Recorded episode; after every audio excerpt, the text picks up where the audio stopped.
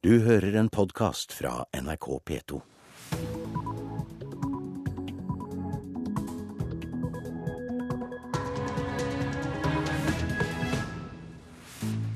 Torsdag 25. april klokka 6.30 har Nyhetsmorgen disse overskriftene. Irland kan bli hjemlandet til Norwegians nye langdistansefly. De ansatte får dermed lavere lønn og dårligere arbeidsvilkår enn de ville fått i Norge. I Bangladesh stiger dødstallene etter at en åtteetasjes bygning raste sammen i går. Minst 149 mennesker omkom og 1000 er skadd. Bomben i Boston ble utløst ved hjelp av fjernkontrollen til en lekebil. Kamp og usikkerhet rundt ledervervet i LO en uke før LO-kongressen starter. Hadde jo ikke eh, foreslått uh, Tor Arne Solbakken hvis ikke jeg trodde han kunne vært samlende og representere hele LO. På tilsvarende måte så tror jeg også uh, Geir Kristiansen uh, vil evne å gjøre det. Ja, det var NTL-leder John Leirvåg som kommenterte kandidatene. Soning hjemme med fotlenke er en suksess. Snart utvides ordningen.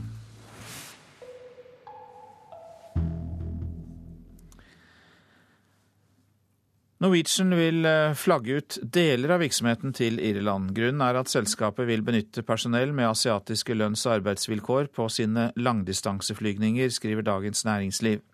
Norske myndigheter har tidligere satt en stopper for slike planer på norskregistrerte fly. Bjørn Kjos har bestemt seg. Han vil flagge ut i alle fall deler av flyflåten. Når han skal fly sin nye Dreamliner til New York, Florida og Bangkok, vil han gjøre det så billig som mulig. Da skal lønnsutgiftene ned. Da skal han bruke personell med asiatiske lønns- og arbeidsvilkår. Det blir altfor dyrt å lønne etter norske regler, mener Kjos. Av alle steder har Kjos i utgangspunktet tenkt å flagge ut til Irland. Der holder som kjent konkurrenten Ryanair til. Vi har ikke tatt noen endelig beslutning, men Irland er aktuelt fordi det er et EU-land, og fordi leasingselskapet som skal leie ut de to første flyene, har kontorer der, sier kommunikasjonsdirektør Anne Sissel Skånvik i Norwegian til Dagens Næringsliv. Den norske regjeringen satte tidligere i år en stopper for at Norwegian kan ha asiatisk besetning på norskregistrerte fly. Det var da Kjos ikke tenker boksen. Norske lønninger kan jo ikke konkurrere på dette markedet, og Kjos vil tjene penger. Det kan han altså best gjøre fra Irland. Reporter Hans Jørgen Solli. I Bangladesh er nå 149 mennesker funnet omkommet i ruinene av en åtteetasjes bygning som raste sammen utenfor hovedstaden Dhaka. Det er hentet ut over 1000 skadde. Så mange som 2000 mennesker kan ha oppholdt seg i bygningen, og det er frykt for at dødstallene fortsatt kommer til å stige.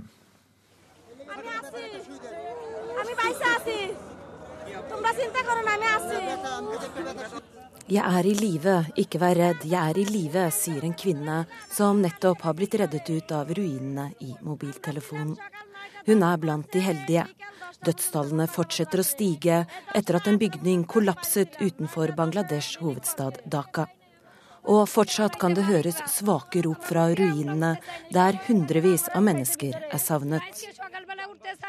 I bygningen som raste sammen onsdag, var det flere tekstilfabrikker. Så mange som 2000 mennesker skal ha oppholdt seg i bygget da det kollapset. Dessverre er det ikke uvanlig at bygninger faller sammen i Bangladesh, siden mange bygninger ikke oppfyller sikkerhetskravene. Innenriksministeren i Bangladesh lover nå full granskning av det som har skjedd. Sa utenriksmedarbeider Guri Nordstrøm. De to Boston-bombene ble utlyst ved hjelp av fjernkontrollen til en lekebil. Det ble etterretningskomiteen Representantenes hus i natt orientert om av politietterforskere. De to bombene var skjult i trykkokere, og etterforskningen har avdekket at deler av sprengstoffet var innkjøpt i en fyrverkeributikk. Flere steder i landet har politiet begynt å måle hvor raske de er til å rykke ut. En av grunnene er kritikken politiet fikk etter 22.07-angrepene. Politiet har aldri tidligere drevet systematisk kontroll av hvor lang tid de bruker fra alarmen går til den første politipatruljen kommer fram.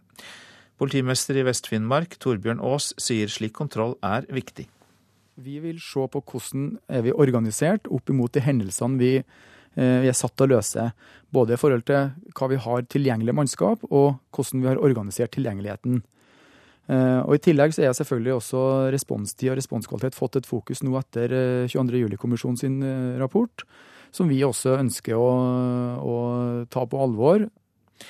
Mer om denne saken i Nyhetsmorgen etter klokka sju. En uke før LO-kongressen er det beinhard valgkamp og usikkerhet om hvem som blir ny LO-leder. Lederkampen blir trolig ikke avgjort før på selve kongressen, sier Fagforbundets leder Jan Davidsen. Han mener Gerd Kristiansen er den som kommer til å vippe utfordrer og motkandidat Tor Arne Solbakken til side. For det første fordi at Gerd er en uh, veldig flink leder. Gerd har en uh, veldig god uh, erfaring fra som fungerer som leder i dette nye arbeidslivet, med de enorme omstillingene som har skjedd innenfor de helse, helsesektoren, du kan ta omsorgssektoren, generelt kommunesektoren som hun kommer ifra. Og I tillegg til det så har hun altså vært med å, å lage det største forbundet i LO. Så hun er rett kvinne? Ja, om hun er kvinne eller mann, så mener vi uansett at Gerd er den eh, rette personen. Fordi at hun har en eh, Hun kommer fra tross alt et forbund som eh, har assistenter, vi har fagarbeidere, vi har 25 folk med høyskoleutdannelse. Vi er ganske bredt, og vi er egentlig et LO i, i, i miniatyr, da. Fagforbundet vil ha Geir Kristiansen som LO-sjef. Hun er nå nestleder og kommer fra sektoren der LO vokser mest. Derfor bør hun overta, sier Davidsen. Men det vi tror er en, en, en fordel med, med, med, vår kandidat, er jo bl.a. det at uh, vi har hatt ti gode år med fortsatt vekst, og uh, ikke minst de organisatoriske kunne være identifiserbar for folk som ikke er i LO i dag, men da også gjennom uh, hennes tilstedeværelse ser nytten av å komme til LO.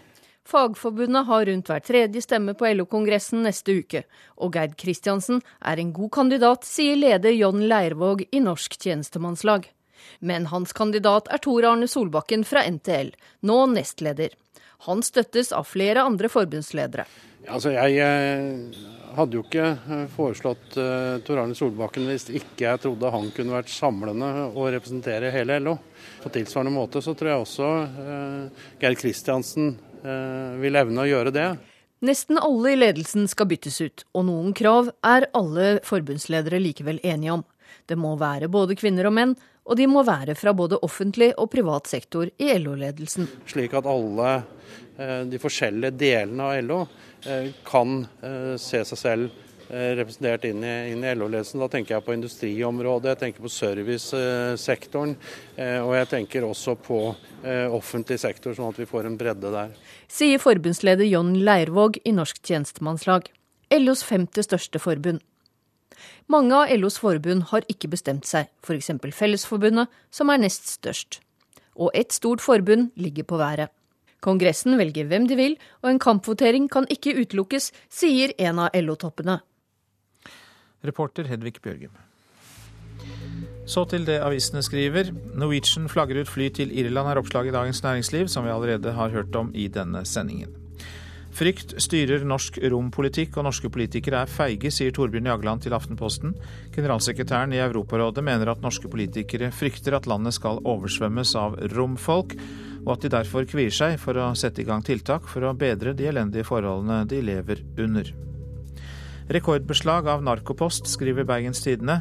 I fjor gjorde tollvesenet 2000 beslag av narkotika og dopingmidler på de største postterminalene i Norge. Og det er en økning på 25% sammenlignet med året før. Det finnes ikke positiv nasjonalisme. Det sier den svenske forfatteren Henrik Arnstad til Klassekampen. Han mener norsk nasjonalisme er farlig og gjør oss særlig mottakelige for fascistiske ideer til tross for 17. mai med barnetog og folkefest. Avinor skal investere 100 millioner kroner i å utvikle biodrivstoff fra trevirke, skriver Nasjonen. Viken Skog er dermed et skritt videre, en fabrikk som kan utnytte hele tømmerstokken på Follum i Buskerud. Nordmenn bør kutte lønnen sin drastisk, sier Frikirkens Arnfinn Løyning. Han sier det til Vårt Land, og eh, mener at vi bør eh, gjøre det i solidaritet med verdens fattige, og spør hva nordmenn skal med så mye penger. Desperasjonen stiger på Guantánamo, skriver Dagsavisen. Ingen løsning er i sikte. Fangene har sittet elleve år som USAs fanger, uten dom, og 92 av 166 fanger sultestreiker. Nord-Norge har tapt 10 000 barn på ti år, er oppslaget i Nordlys. Færre barn skyldes at de tre nordligste fylkene har både fraflytting og at det fødes for få barn der. Slik unngår du å bli mobilflådd, er VGs oppslag. Det er enorme profitter på dine utenlandssamtaler, som er en gullgruve for telefonselskapene. Tysk fotball er høyt oppe etter to meget overbevisende semifinalekamper i Mesterligaen i fotball. Tirsdag slo Bayern München Barcelona 4-0, og i går fikk mektige Real Madrid bank 4-1 av Borussia Dortmund. Trener for det tyske laget, Jürgen Klopp, var meget glad etter lagets maktdemonstrasjon. For det første, takk sa en smilende Jørgen Klopp til et måpende spansk pressekorps under Westfalen stadion i Dortmund seint i går kveld. Den meget populære treneren forklarte at for å komme inn på presserommet må han gå gjennom museet til klubben, der de samme gamle filmene blir vist igjen og igjen. Nå er det på tide å skifte film og vise de fire måla til Robert Lewandowski. For polske Lewandowski banka alene inn samtlige fire mål for heimelaget, og var selvsagt særs nøyd med akkurat det. Ja, det var. Real Madrid-trener José Mourinho virka på 90 minutter og har blitt litt gråere i håret da han møtte pressa. Om ei uke er det returmøte i Madrid. Nada es imposible. Nada es imposible. Ingenting er umulig, fastslår den eksentriske portugisiske supertreneren. Med 3-0 på Santiago Bernabeu er Real Madrid klare for mesterligafinalen. Det skal Mourinho prente inn i spillerne den kommende veka.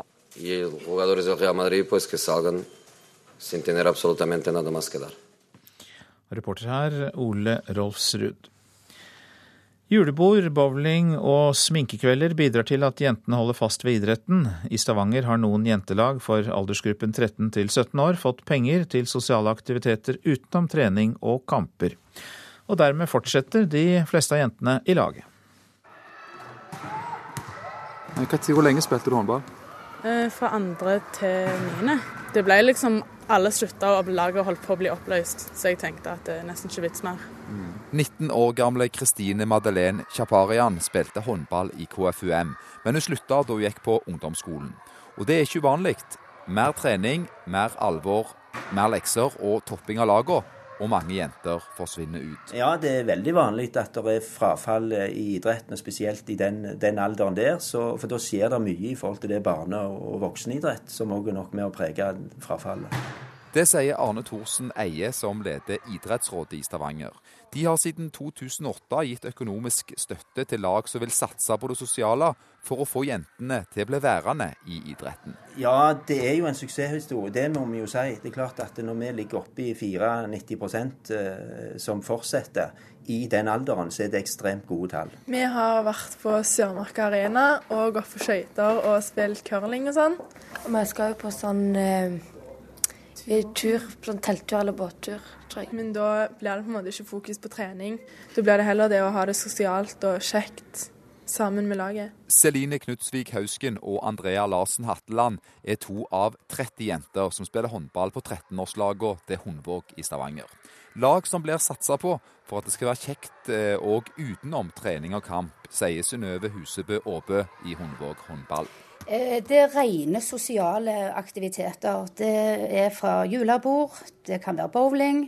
Det er aktiviteter som gjør at jentene samles utenom håndballen og har det sosiale i tillegg til idretten. Og det er viktig? Kjempeviktig. Jenter de trenger eh, miljø hvor de kan eh, treffe venninner eh, utenom håndballen.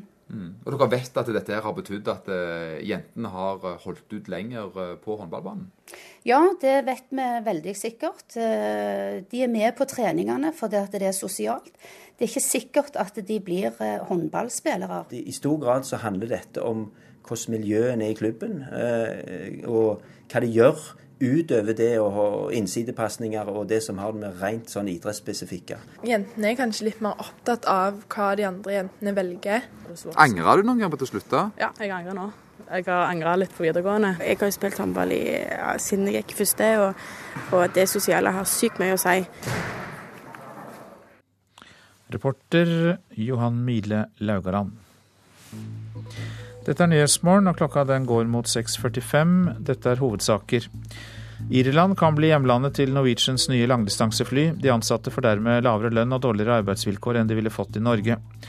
Flere steder i landet har politiet begynt å måle hvor raske de er til å rykke ut. En av grunnene er kritikken politiet fikk etter 22.07-angrepene. Og litt seinere i sendingen, e-bøker på engelsk kan true norsk som bokspråk, frykter Språkrådet.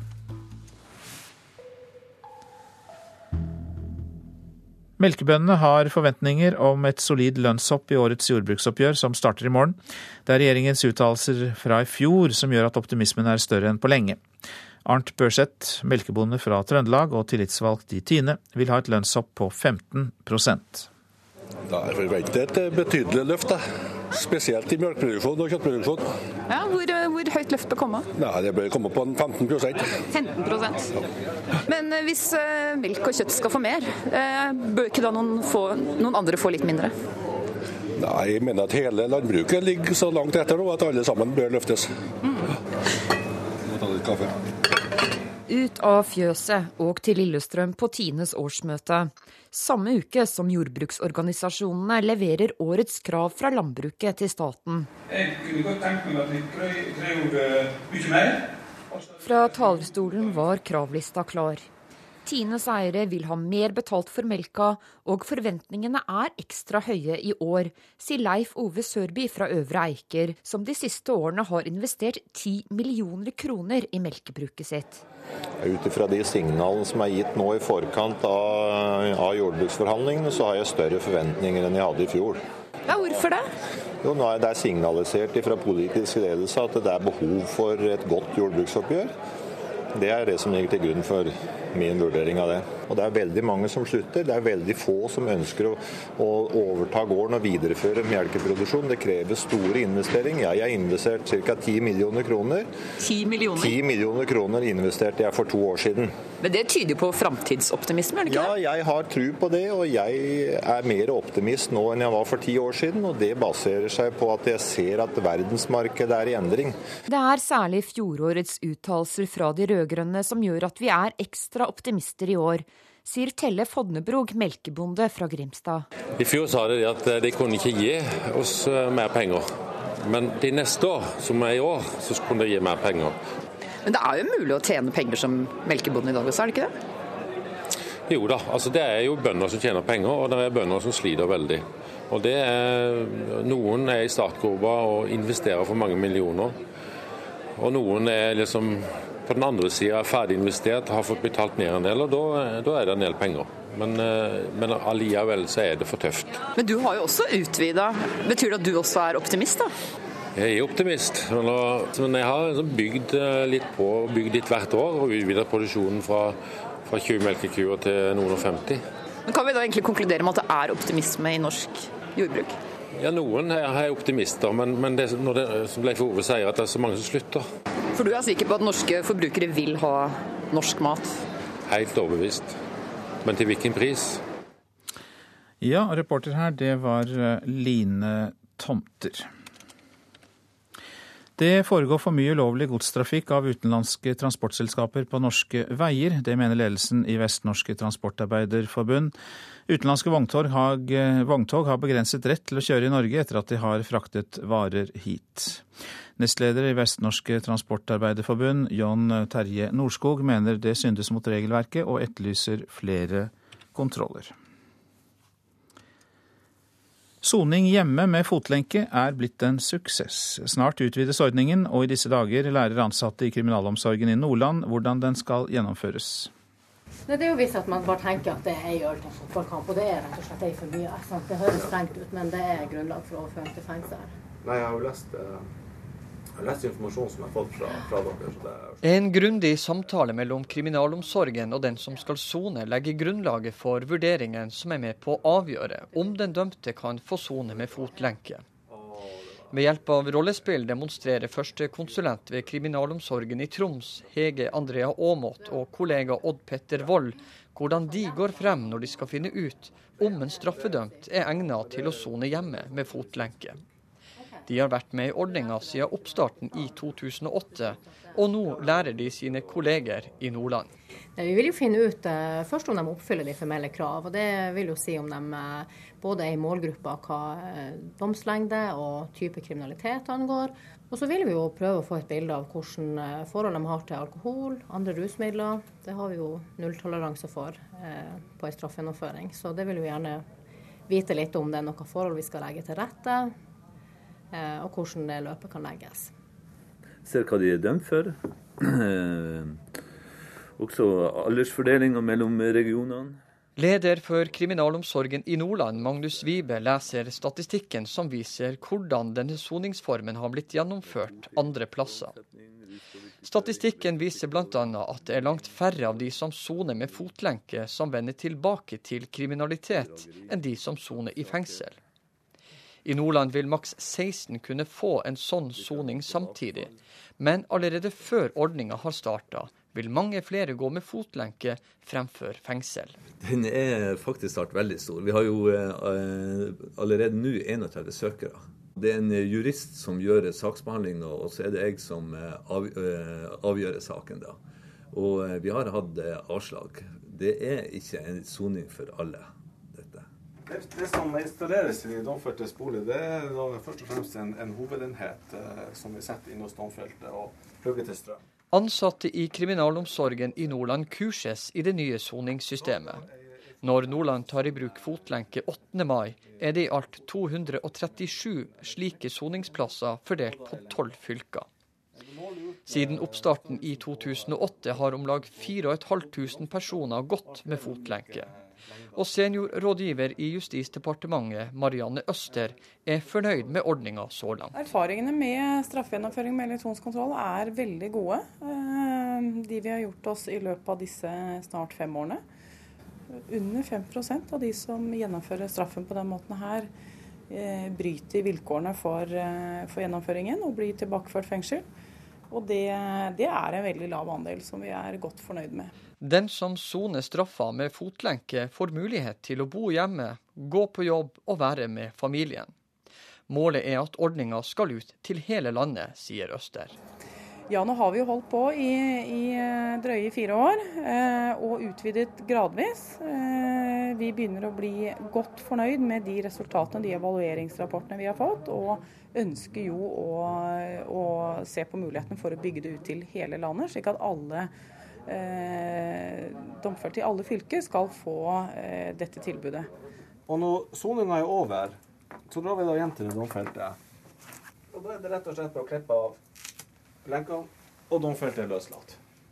Ja, Odd Petter Wold sa det. Han er kriminalomsorgskonsulent. Reporter var eh, Helge Lyngmo. Norsk som bokspråk kan trues dersom for mange kjøper e-bøker på engelsk istedenfor på norsk. Det mener Språkrådets direktør. Åtte av ti lesere under ti år kjøper e-bøker på engelsk. En standard, eh, klassisk kjemperotete bokhylle med ganske mange lag med bøker. ja. Så jeg hadde en liten sånn oppregning for litt siden og kom til at jeg har vel noe sånt som rundt 1000. Og det var ikke helt meningen. Jeg prøver liksom ikke å samle opp så innmari mye, men det blir fort en del, ja. Kristin Hamran Storusten har ei velfylt bokhylle, bl.a. med mye norsk litteratur. Men på lesebrettet hennes går det mest på engelsk. Her ligger noe av det siste. Da er det The Old Man and the Sea, som var det siste. Så er det The Land of Decoration. Så er det Every Man Dies Alone. Det er en tysk bok. Hun skulle gjerne hatt flere norske e-bøker, men engelske er både billigere og enklere å få tak i. Ja, det er pris og tilgjengelighet, helt klart. Og at uh, at når man også leser på en måte ganske mye, så føler jeg, altså jeg føler at jeg på en måte uansett kjøper ganske mange bøker, men jeg kjøper flere. sånn at det kan godt hende at jeg bruker mer litteratur enn jeg bruker mer penger på bøker enn jeg ville gjort eh, hvis jeg ville kjøpt færre hvis de var dyrere. En undersøking Norstat har gjort for NRK viser at åtte av ti under 30 år kjøper e-bøker på engelsk. Det uroer direktør i Språkrådet, Arnfinn Muruvik Vonen. Hvis det er slik at eh, man leser engelsk fordi det er billigere, og fordi utvalget er bedre og det er lettere tilgjengelig på engelsk enn på norsk, så er det eh, ikke så bra. Da er det bekymringsfullt. Administrerende direktør Kristen Einarsson i Den norske forleggerforening mener konkurransen fra engelskspråklig litteratur ikke er noe nytt. Nei, men altså, Den har vi møtt i alle år. For det første så er det slik at Hver fjerde nordmann leser papirbøker på engelsk. Vi kommer ikke unna det, og det er fordi at det eh, norske folk vil lese engelsk. De har lyst til å utvikle språket. Det er bare fint. Vi må sørge for å holde i gang et, et godt og spennende norsk bokmarked ved siden av det engelskspråklige. Men han vedgår at eh, det er vel mange unge som kjøper engelske e-bøker, og det vil han gjøre noe med. Altså, Vi er i gang nå med å utvikle det norske e-bokmarkedet. og Når den forskjellen som fremkommer av undersøkelsen viser at det er stor forskjell på under 30 og over 30, så må vi se nærmere på hvorfor bruker de under 30 lengre tid på å, å veksle over til, over til e-bøker på norsk. Reporter her, Espen Alnes. Mer av kulturen skal bli butikk, håper regjeringen. Nå bidrar den med 15 millioner kroner gjennom Innovasjon Norge og Kulturrådet for å få mer næring ut av kulturen. Det å eh, skape og å selge kunst- og kulturuttrykk, det er ikke som å selge melk og brød. Man trenger et helt annet virkemiddelapparat, og det etablerer vi nå. Sier kulturminister Hadia Tajik. Verdiskapingen og sysselsettingen i kulturnæringene har vokst kraftig de siste årene. Likevel har det vært utfordringer knyttet til å lage forretning av kulturprodukter og opplevelser. Nå strekker regjeringen ut en hjelpende hånd. Jeg tror at eh, folk nok før har følt eh, at de faller litt mellom to stoler når de skaper kunst og kultur, som det òg kan være et kommersielt potensial rundt. Nå sørger vi for at eh, det ikke skal skje, ved at Norsk kulturråd og Innovasjon Norge samarbeider, hjelper de som har en god kulturgründeridé, og skaffer de noen av de verktøyene de trenger for å lykkes med sitt prosjekt. Det er Kultur-, kommunal- og næringsdepartementet som sammen står bak handlingsplanen for kultur og næring, der det nye innovasjonsprogrammet vil bli presentert. I første omgang legger hvert av de tre departementene fem millioner kroner i potten. Det betyr 15 millioner kroner som skal gi gründere bedre mulighet til å ta sjanser. Kompetanseutvikling og en egen mentortjeneste vil også være blant tilbudene.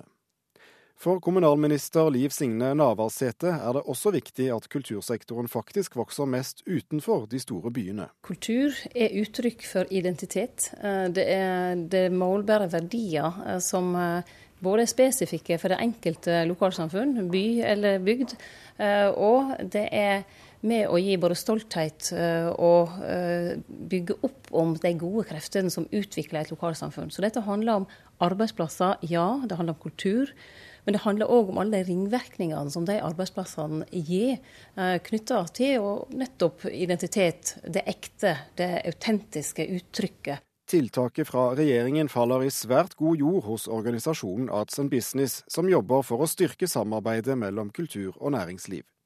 Direktør Øyvind Stålseth er positivt overrasket over det han hører. Kulturrådet og eh, Innovasjon Norge sammen sitter på en del av løsningene hver. Og det, Derfor er det positivt at uh, man nå har sett at det kan være smart å få disse miljøene til å tenke sammen. Reporter Thomas Alvarstein Ove. Så til et eh, værvarsel. Fjell i Sør-Norge. Tidlig på dagen liten kuling utsatte steder. Skiftende skydekke. Spredte byger i vest, ellers opphold. I kveld litt sludd og snø sør for Finse. Østlandet og Telemark pent vær. I ettermiddag øking til sørvestlig frisk bris på kysten. Tilskyende opphold, men eh, i kveld litt regn sør for Oslo. Agder skyet oppholdsvær. I kveld regn. Rogaland opphold. I ettermiddag regn, snø over ca. 800 meter. Hordaland stort sett oppholdsvær. Fra i ettermiddag regn, snø over 600 meter. Sogn og Fjordane stiv kuling ved Stad. Regnbyger, snøbyger over 300-500 meter. Fra i ettermiddag forbigående lettere vær. I kveld regn og snø i høyden. Møre og Romsdal sørvest periodevis sterk kuling på kysten. Regnbyger, snøbyger over 300-500 meter. I kveld avtagende nedbørsaktivitet.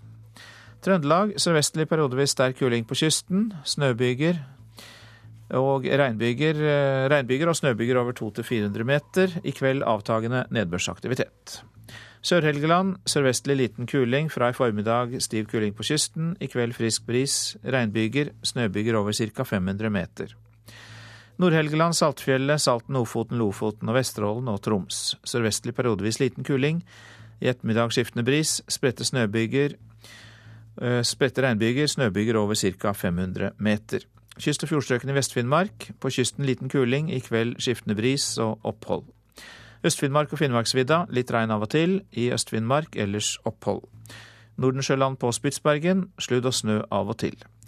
Temperaturer klokka fem. Svalbard minus én, Kirkenes én, Vardø tre, Alta minus én.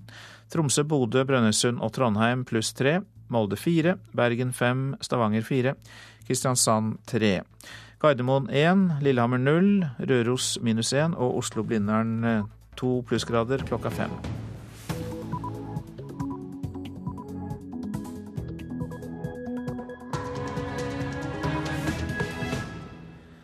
Klokka sju, dette er Nyhetsmorgen med en oppdatering av nyhetene. Irland kan bli hjemlandet til Norwegians nye langdistansefly. De ansatte får dermed lavere lønn og dårligere arbeidsvilkår enn de ville fått i Norge. Bjørn Kjos har bestemt seg. Han vil flagge ut i alle fall deler av flyflåten.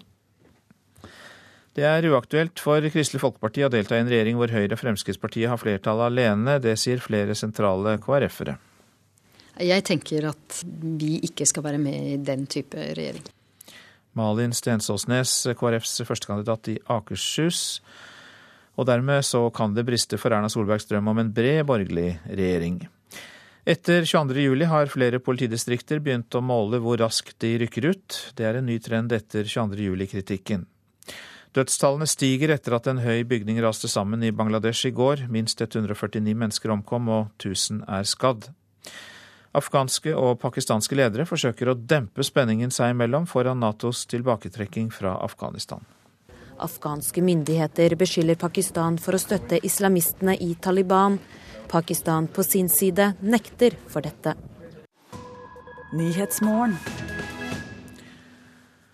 Norwegian vil flagge ut deler av virksomheten til Irland. Grunnen er at selskapet vil benytte personell med asiatiske lønns- og arbeidsvilkår på sine langdistanseflygninger. Det skriver Dagens Næringsliv. Norske myndigheter har tidligere satt en stopper for slike planer på norskregistrerte fly. Bjørn Kjos har bestemt seg. Han vil flagge ut i alle fall deler av flyflåten. Når han skal fly sin nye Dreamliner til New York, Florida og Bangkok, vil han gjøre det så billig som mulig. Da skal lønnsutgiftene ned. Da skal han bruke personell med asiatiske lønns- og arbeidsvilkår. Det blir altfor dyrt å lønne etter norske regler, mener Kjos. Av alle steder har Kjos i utgangspunktet tenkt å flagge ut til Irland. Der holder som kjent konkurrenten Ryanair til. Vi har ikke tatt noen endelig beslutning, men Irland er aktuelt fordi det er et EU-land, og fordi leasingselskapet som skal leie ut de to første flyene, har kontorer der, sier kommunikasjonsdirektør Anne Sissel Skånvik i Norwegian til Dagens Næringsliv. Den norske regjeringen satte tidligere i år en stopper for at Norwegian kan ha asiatisk besetning på norskregistrerte fly. Det var da Kjos gikk i tenkeboksen.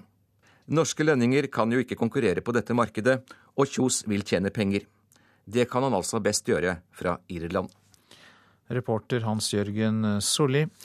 Nestleder Vegard Einan i Parat, dere organiserer 570 piloter i Norwegian. Hva vil dere gjøre nå? Ja, Vi i Parat organiserer både pilotene og over 1000 kabinansatte også i Norwegian.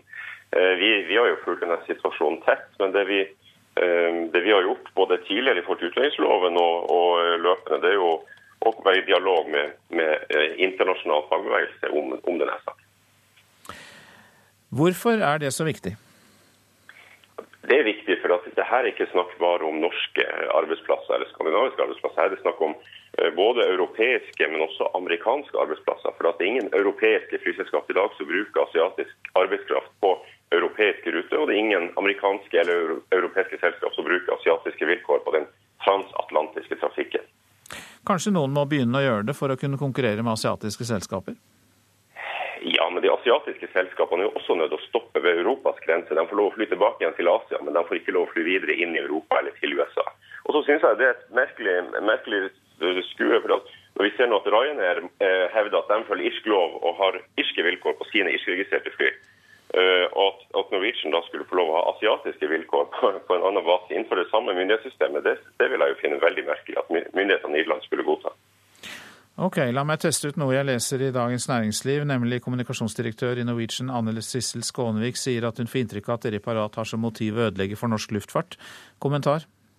Nei, det er overhodet ikke riktig. og Anne Sissel Skånevik vet også meget godt at Parat eh, også har jobba hardt for å bedre vilkårene for Norwegian. Vi har vært i dialog både med EU-myndigheter og, og, norske myndigheter for å gjøre det sånn at eh, det syns jeg er litt urettferdig. og Dessuten er norsk luftfart mer enn norske flyselskapseiere. Det er også ansatte i norsk luftfart.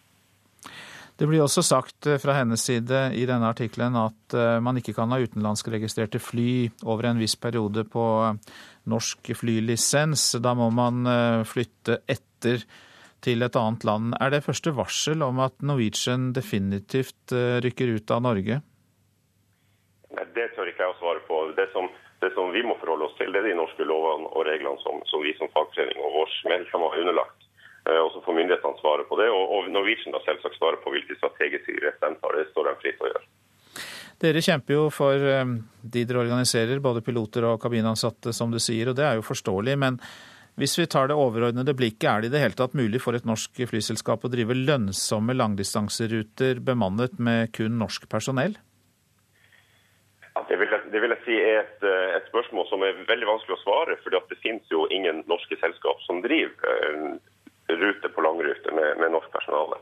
Eh, vi har SAS som et skandinavisk selskap som driver med skandinaviske vilkår, men, men da fra Skandinavia. sånn at eh, Vi har jo ingen, ingen, erfaring med norske selskap som flyr langrute i det hele tatt. Men det vi har erfaring med, er jo norske og europeiske selskap. Og i Europa så er det jo ikke den store forskjellen i lønnskostnader og vilkår som, som, eh, som man skulle tro. Og det, de store europeiske selskapene, så er det langrutene som er deres virkelige inntjening.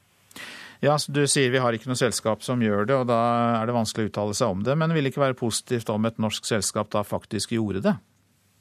Jo, men her er ikke det snakk bare om å fly på langrutene. Her ønsker Kjos også å kunne bruke asiatiske eh, kostnader og lønns-, lønns og arbeidsvilkår på innenriks, innenrikstrafikken i Europa, altså på rute mellom Norge og andre europeiske land, pluss den som går over Atlanteren til USA. Eh, og Da er det ikke lenger snakk bare om å konkurrere mot de asiatiske selskapene. Det er også direkte både med egne ansatte i Europa og, og selskaper som ikke har den muligheten i dag.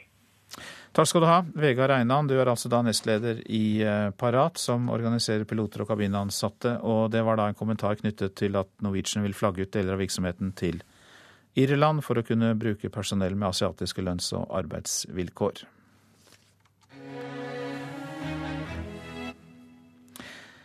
Sentrale tillitsvalgte i Kristelig Folkeparti stikker kjepper i hjulene for Erna Solberg, for um, de sier at det er uaktuelt å delta i en regjering dersom Høyre og Frp får flertall der alene. Og uh, NRK har snakket med 30 av de mest sentrale politikerne i KrF. De fleste mener en bred borgerlig regjering da er lite sannsynlig. Jeg tenker at vi ikke skal være med i den type regjering. Jeg må sitte på kofferten for å få den igjen, skal vi se. Der, vet du, gikk det. Full koffert når Kristelig Folkepartis førstekandidat i Akershus, Malin Stensønes, pakker til partiets landsmøte som begynner i dag. Ved siden av sakspapirer og pensko har hun med seg klare anbefalinger om hvem KrF bør og ikke bør sitte i regjering med. Frp tilhører sistnevnte kategori. Jeg vurderer eh, en regjering med KrF og Fremskrittspartiet som veldig lite sannsynlig. Og det er gjennomgangstonen når NRK har snakket med flere enn 30 av KrFs mest sentrale tillitsvalgte. Ingen uttrykker glede ved tanken på å sitte i regjering med Fremskrittspartiet. Til det er de politiske forskjellene på områder som bistand, landbruk, distrikt, bioteknologi, alkohol og miljøpolitikk for store. Jeg tror vel hos våre så er eh, begeistringen for det er nok eh, ganske liten. Selv om alle vil være konstruktive og sørge for regjeringsskifte. I ett år har Høyre og Frp hatt flertall alene på meningsmålingene, men 20 av 30 KrF-ere sier nei til å gå i regjering hvis det blir valgresultatet. En av dem er listet opp i Nordland, Ingelin Noresjø. Dersom de får flertall alene, så tror jeg nok at KrF vil gå i opposisjon og være et konstruktivt opposisjonsparti. Da vil ikke de være avhengig av KrF for å få flertall, og det setter oss i en veldig eh, vanskelig situasjon. Eh, da vil det være vanskeligere for KrF å få gjennomslag for vår politikk. Og det er jo det som er hovedgrunnen for å gå inn i regjering, det er for å få mest mulig gjennomslag. Dermed kan det se mørkt ut for firepartiregjeringen som Høyre-leder Erna Solberg snakker varmt om. For også KrF-leder Knut Arild Hareide er svært skeptisk til å bli med i en regjering der han ikke trengs. Jeg vil ikke utelukke noe nå, men jeg ser det som veldig usannsynlig at KrF går inn i en regjering der de blå-blå har rent flertall. Da får vi ikke den tyngden og det gjennomslaget som vi trenger. Vi eh, vil være med i en regjering som får en tydelig sentrumspreg. Og ligger flertallet i blå-blå retning, eh, så er det ikke naturlig at KrF er med. Partileder Knut Arild Hareide i KrF, og han er også med i Politisk kvarter om en drøy halvtime, direkte fra partiets landsmøte. Og eh, det var eh, Siv Sandvik og Sigrid Solund som var reportere. Åshild Mathisen, du er utviklingsredaktør i Vårt Land. Ja, KrF sier nei til skifte av regjering, men eh, ikke med på å ta ansvar hvis Fremskrittspartiet og Høyre får flertall alene. Hvordan tror du velgerne oppfatter det? Er det ansvarsfraskrivelse? Ja, det er ikke godt å si hvordan det blir oppfatta, for det er veldig mye av det her som fremstår kanskje litt sånn teknisk. For dette handler jo om eh, kjøttvekta, eh, og hvorvidt eh, KrF, som det blir sagt her, kan sette et tydelig sentrumspreg. Og det er klart at hvis de to andre partiene er avhengige av KrF, så har man en langt bedre mulighet til å forhandle inn sin sentrumspolitikk. Det handler jo om at den borgerlige regjeringa Altså at eh, KrF ikke oppfatter seg sjøl som et borgerlig parti. Eh, men, eh, men, hvor lett det blir å kommunisere det ut, og hva som skjer hvis man først setter seg og begynner å sondere sammen, så kan suget fort bli sterkt. Ja, hvilket sug da? Nei, altså når man da har begynt å sondere, så er man jo veldig raskt over i å forhandle. Ja, og så ender man opp i regjering likevel, kanskje? Ja. Eh, altså, jeg syns jo det er interessant at det er så mange som sier nei, for det er eh, altså det som man kan kalle venstresida i KrF, eller det Ap-vennlige, ser ut for meg som det har skrumpa litt inn. Eh, og når jeg ser på hvordan KrFU, altså ungdomsbevegelsen til KrF, har åpna for Frp, så tenker jeg at det også er i ferd med å skje noe i, i partiet. Eh, Malin Stensønes er jo eh, en av disse hva jeg skal si, unge, friske. Hun er ikke så ung, da, men uh, likevel. Men hun representerer nok mye mer den, den hva jeg si, fra Bondeviks tid, venstresida i, i, partiet. Dette var jo flere ledere som da NRK har hatt en spørreundersøkelse overfor. Men hvordan tror du resten av partiet stiller seg til Fremskrittspartiet? Resten av KrF? Nei, altså eh, Man har jo et eh, ambivalent forhold til eh, Fremskrittspartiet og syns at mye av liberalismen og den folkeligheta der er litt vanskelig. Men samtidig så finner man sammen i enkelte saker. Men jeg tror ja, altså, på, altså, Det man føler, er på en måte at grunnfjellet forventer at KrF og Frp finner sammen om de sakene som kristenfolket er opptatt av. Eh, sånn at man på en måte har hele tida et kommunikasjonsproblem der man for, forsøker å formidle at men de store linjene har vi, der er det stor avstand. Og så har man en historie der man har eh, blitt anklaga for å være arrogant mot Frp. Og man må på en måte fremstå åpen, og at man vil gå i en politisk dialog. Men det er jo den fine linja derfor derfra til å faktisk eh, kommunisere at ja, vi er i dialog, men det er stor avstand. Mm. Nettopp. Men du, tidligere i uka så sa jo um, Hareide at han vurderte å si nei til en statsrådspost. Ja. Kan det også ha påvirket her? Nei, jeg tror ikke det. Eh, altså hvis, hvis, dette hadde vært Dagfinn Høybråten, så hadde han hatt en klar eh, strategi bak å si noe sånt, og da hadde partiet tatt det veldig alvorlig. Hareide er en helt annen politikertype. Han er mye mer, han tenker høyt. Så jeg tror nok de tenker at de kan overbevise han om å gjøre det likevel.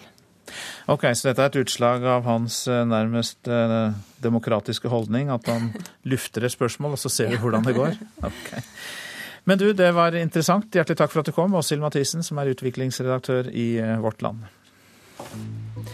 Dette er Nyhetsmorgen, og klokka den går mot 7.14, ser det ut til. Vi har disse hovedsakene.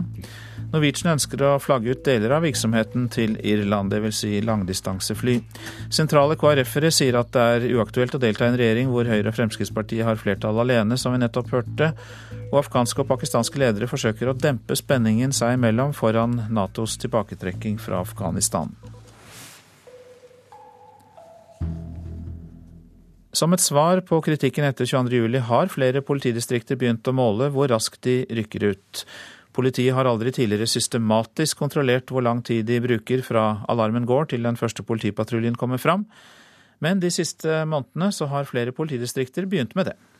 Vi vil se på hvordan er vi organisert opp imot de hendelsene vi, eh, vi er satt til å løse sier politimester i Vest-Finnmark, Torbjørn Aas. Både i forhold til hva vi har tilgjengelig mannskap, og hvordan vi har organisert tilgjengeligheten. Her går stoppeklokka hver gang en politibil rykker ut fra beredskap og ut til de alvorligste oppdragene. Og I tillegg så er selvfølgelig også responstid og responskvalitet fått et fokus nå etter 22.07-kommisjonen eh, sin eh, rapport, som vi også ønsker å, å ta på alvor. Men politiet i Vest-Finnmark er ikke alene. De siste månedene har både politiet i Sogn og Fjordane, Nord-Trøndelag og Oslo gjort tilsvarende tidsmålinger.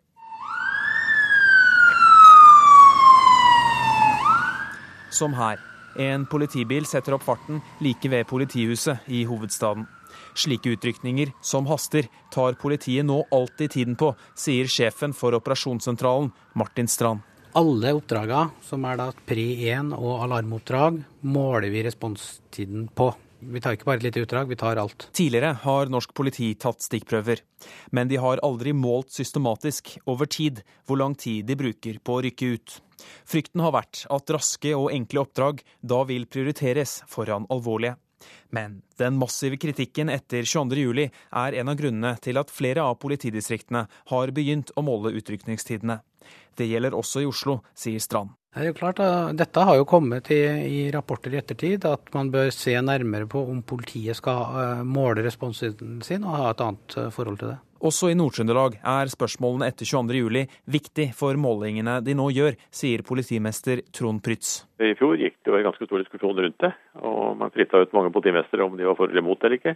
Vi har ikke noe holdning til det. Jeg regner med at dette er en vil være snakk om en politisk forventning. Og vi må finne et eller annet svar til det som etterspørres eh, fra samfunnet. Så siden den debatten kom, og siden også responstid er integrert da, i det endringsarbeidet som nå drives av Politidirektoratet etter 22.07-rapporten, eh, så er det helt naturlig at vi prøver å danse et inntrykk av hvordan vi eh, ligger an. da. Ingen har ennå bestemt om politiet skal måles på hvor raskt de rykker ut.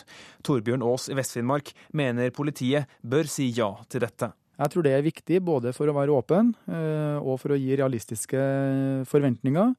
Eh, og for å skape eh, gjensidig forståelse mellom politi og innbyggere på hva er det som er realistisk kvalitet på tilbudet fra politiet. Ja, reporter her, det var Haldor Asvald. Og de neste månedene så skal politiet da bestemme seg for om de skal innføre såkalt krav til responstid. Et utvalg skal se på det, og det leder du, politimester i Rogaland Hans Vik, og har kommet hit i studio. Og ehm, ja, eh, hva taler for og hva taler mot, for å ta det store spørsmålet om responstid? Ja, Det er jo det store spørsmålet som utvalget skal, skal vurdere og skal utrede innen, eh, innen 1.9. Men poenget med hele dette arbeidet er å gjøre politiet bedre. Det å skape bedre beredskap og sørge for at politiet i enda større grad er på rett sted til rett tid. Hvilken rolle vil de erfaringene som nå høstes ha å si for dere? Ja, De vil selvfølgelig ha stor betydning, fordi vi vil samle inn all den informasjonen som vi får fra andre politidistrikt, fra andre land og fra våre søsken i nødetatene, brann og helse, eh, til å se hvordan de gjør det, og bruke det videre i, i det arbeidet. Svensk politi måler, dansk politi måler responstid, norsk politi har ikke gjort det. Hvorfor har det vært en skepsis til det her? Altså, for det første så vil jeg gjerne si at jeg eller jeg vet at operasjonslederne i, i, landet er flinke til å prioritere allerede. Spørsmålet er jo om måling i seg selv gjør at responsen og kvaliteten blir bedre, at politiet kommer raskere. Det er, har vært og er fremdeles i og for seg et åpent spørsmål. og Spørsmålet er altså blir det bedre av å måle. Eh, jeg har òg sett argumentene og har en viss forståelse for det, at du kan risikere å gå etter de oppdragene og prioritere de oppdragene som tar kortest tid, for å møte målkravet, og så miste poenget med å ta de viktigste oppdragene. Det, det argumentet tror jeg har svekkes noe, for det har vært så sterk bevissthet på, og fokus på, eh, på, beredskap, spesielt etter den forferdelige hendelsen 22.07, at eh, Jeg tror det veier mindre i dag, men det er altså dette denne gruppa skal se på. Jeg skal ikke forskuttere arbeidet i den. Har du fanget opp noe inntrykk av hva politifolk sjøl i bilene ute i patrulje mener? Det inntrykket jeg har av politifolk eh, ute i bilene, det er at det er ingenting de heller vil enn å komme fortest mulig fram til et oppdrag for å hjelpe andre folk. Uansett om vi måler og teller, eller om vi ikke gjør det. Men det det kanskje koker ned til når jeg lytter til deg, er hvorvidt eh, denne type måling kan eh, bli for At man blir for opptatt av det istedenfor å løse problemene og løse sakene. Det er vel egentlig det som er kjernen i dette her? Ja, Etter 22.07 så har det blitt et sterkere og, og, nødvendig fokus på beredskap. Men det, samtidig i stort så er det viktig at politiet ikke mister balansen nå imellom alle de andre oppgavene som har og skal ha. Etterforskning f.eks. Eh, det er alltid en risiko for at eh, når en måler noe, så vil en gå etter målene. Som min kollega i Aberdeen, som jeg har en del kontakt med, sier på engelsk. Eh, meet the target, miss the point. Og det er jo et poeng. Altså, du, du kan rett og slett møsse hovedmålet ved å, ved å telle for mye. Jeg tror ikke den risikoen er så veldig stor nå lenger, og spesielt ikke etter det som er skrevet og sagt etter 22.07. Der er Gjørv-kommisjonen anbefaler dette. Våre egne interne evalueringer har pekt på det. Eh, den stortingsmelding 21 om terrorberedskap som kom for noen uker siden, peker på de samme tingene. Så, så det, det, er ingen dum idé å, å kikke nærmere på dette. Takk skal du ha, politimester i Rogaland Hans Vik, som altså skal gjøre nettopp det, se nærmere på dette. I Bangladesh er nå 149 mennesker funnet omkommet i ruinene av en åtteetasjes bygning som raste sammen utenfor hovedstaden Dhaka. Det er hentet ut over 1000 skadde. De to Boston-bombene ble utløst ved hjelp av fjernkontrollen til en lekebil. Det ble etterforskningskomiteen i Representantenes hus i natt orientert om av politietterforskerne. Sør-Korea tilbyr Nord-Korea formelle samtaler for å kunne ta opp igjen samarbeidet i den felles industrialiserte sonen Kasong ved grensen mellom de to landene. Pyongyang har fått frist til fredag til å gi et formelt svar, sier en talsmann for Sør-Korea, ifølge nyhetsbyrået AFP. Afghanske og pakistanske ledere forsøker å dempe spenningen seg imellom foran Natos tilbaketrekking fra Afghanistan. I går møttes de til samtaler i Brussel, ledet av USAs utenriksminister John Kerry.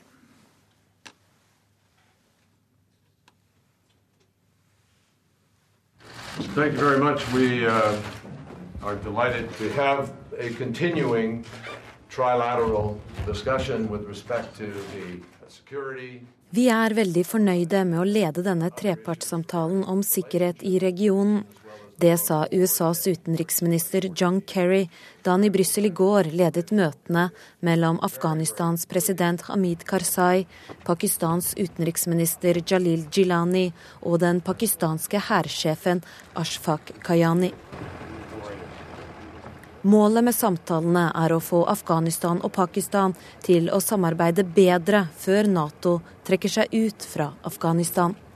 Kun på den måten kan de stå rustet overfor Taliban og andre radikale geriljaorganisasjoner i området. Uh, uh,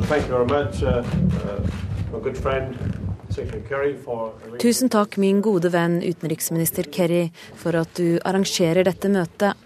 La oss håpe på det beste for fremtiden, sa den afghanske presidenten. De siste ukene har situasjonen vært svært spent mellom landene. Afghanske myndigheter beskylder Pakistan for å støtte islamistene i Taliban. Pakistan på sin side nekter for dette. Tidligere denne uka sa Natos generalsekretær Anders Fogh Rasmussen at Pakistan må slå ned på geriljagrupper.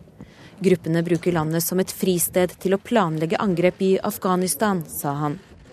The Pakistani people is also victim uh, of uh, terrorism. Pakistan and Afghanistan Uh, det pakistanske folket er også offer for terrorisme. Pakistan og Afghanistan har en felles interesse i å bekjempe ekstremisme og terrorisme på tvers av grensene, sa Fogh Rasmussen. Det har nå gått tolv år siden USA invaderte Afghanistan og avsatte det daværende Taliban-regimet.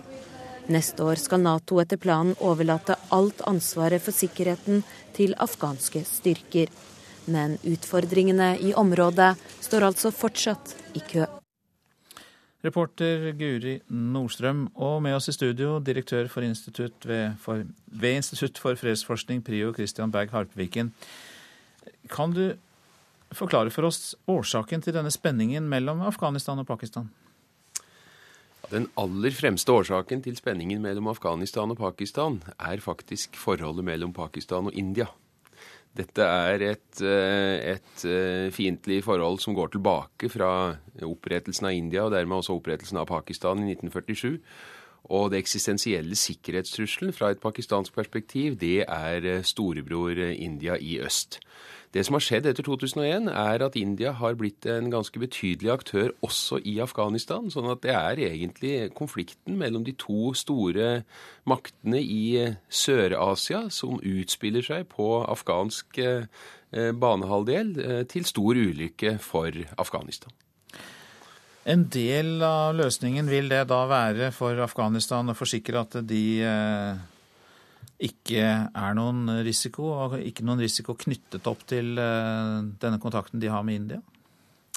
Ja, det burde jo være det åpenbare, men eh, jeg mener vel at en av de aller største tabbene som både Afghanistan og deres internasjonale støttespillere har begått etter 2001, er nettopp å trekke India så nært til seg, samtidig som han har forsøkt å skyve nabolandet Pakistan langt fra seg. Og Pakistan har vel vært eh, den viktigste spilleren i Afghanistan gjennom de siste 30 eh, årene. Har eh, på alle måter bidratt til mye av Afghanistans ulykke. Så refleksen er forståelig. Men det hadde antagelig vært mye bedre for Afghanistan om man hadde strakt ut en hånd og forsøke å engasjere Pakistan mer i konstruktive relasjoner. Hva er det det som da skjer nå? Ja, Det som skjer nå, er jo at eh, med uttrekningen av eh, de internasjonale styrkene forestående, så er dette i ferd med å bli et kritisk spørsmål. Eh, pakistanerne, som da har liten tillit til India, de ser jo også at den hæren som er bygd opp i Afghanistan, har blitt ganske stor. Den er bygd opp i veldig stor grad med folk fra folkegrupper som pakistanerne normalt ikke har innflytelse på i Afghanistan. Så man ser dette som en fiendtlig hær. Det har vært eh, mye spenning langs grensa mellom Afghanistan og Pakistan i det siste. Og vi ser vel også at nabolandene forbereder seg på en slags eh, eh, endgame. De regner nok ikke med, mange av de, at Afghanistan skal forbli stabilt etter 2014, og forbereder seg, trist nok, på det de ser som en krig som må komme. Hva kan USAs utenriksminister John Kerry bidra med her, da? For han skal jo lede samtalene mellom disse to landene, mellom eh, Pakistan og Afghanistan. Nei, For USA så er det klart at uh, jo lengre man klarer å holde stabilitet i Afghanistan, jo bedre er det. Det aller verste scenarioet er at nå bryter ut en krig før man har fått styrkene ut. Det vil jo være en katastrofe for styrkene, men det vil også være et enormt politisk nederlag. Samtidig så må Kerry tenke langsiktig. og det er ikke bare Afghanistan som er bekymringen her. Eh, mange i Washington har de siste årene sagt at Pakistan er egentlig en mye, mye større bekymring enn eh, Afghanistan. Sånn at han har en vanskelig balansegang. Dette er to allierte som han begge ønsker å holde et forhold til. Og han må klare den balansegangen. Jeg tror ikke han har noen tro på å vinne fram på kort sikt. Men, eh, men balansegangen er i seg selv eh, viktig. Takk skal du ha, Christian Berg Harpeviken, som altså er direktør ved um, Institutt for fredsforskning. Så skal jeg si litt om noe av det avisene skriver. Frykter folk Norsk, politikerne frykter norsk rompolitikk. Norske politikere er feige, sier Torbjørn Jagland til Aftenposten. Generalsekretæren i Europarådet mener at norske politikere frykter at landet skal oversvømmes av romfolk, og at de derfor kvier seg for å sette i gang tiltak for å bedre de elendige forhold de lever under. Rekordbeslag av narkopost, skriver Bergens Tidende. I fjor gjorde tollvesenet 2000 beslag av narkotika og dopingmidler på de største postterminalene i Norge, en økning på 25% fra året før. Avinor skal investere 100 millioner kroner til å utvikle biodrivstoff fra trevirke, skriver Nasjonen. Viken skog er dermed et eh, skritt videre til en fabrikk som kan utnytte hele tømmerstokken på Follum i eh, Buskerud. Desperasjonen stiger på Guantánamo, skriver Dagsavisen. Ingen løsning er i sikte. Fangene har sittet elleve år som USAs fanger uten dom, og 92 av 166 av dem sultestreiker. Nord-Norge har tapt 10 000 barn på ti år, er oppslaget i Nordlys. Færre barn skyldes de tre nordligste fylkene har både fraflytting og at det fødes for få barn der. Ja, du lytter til eh, Nyhetsmorgen. Produsent er eh, Ulf Tannes Fjell. Her i studio, Øystein Heggen.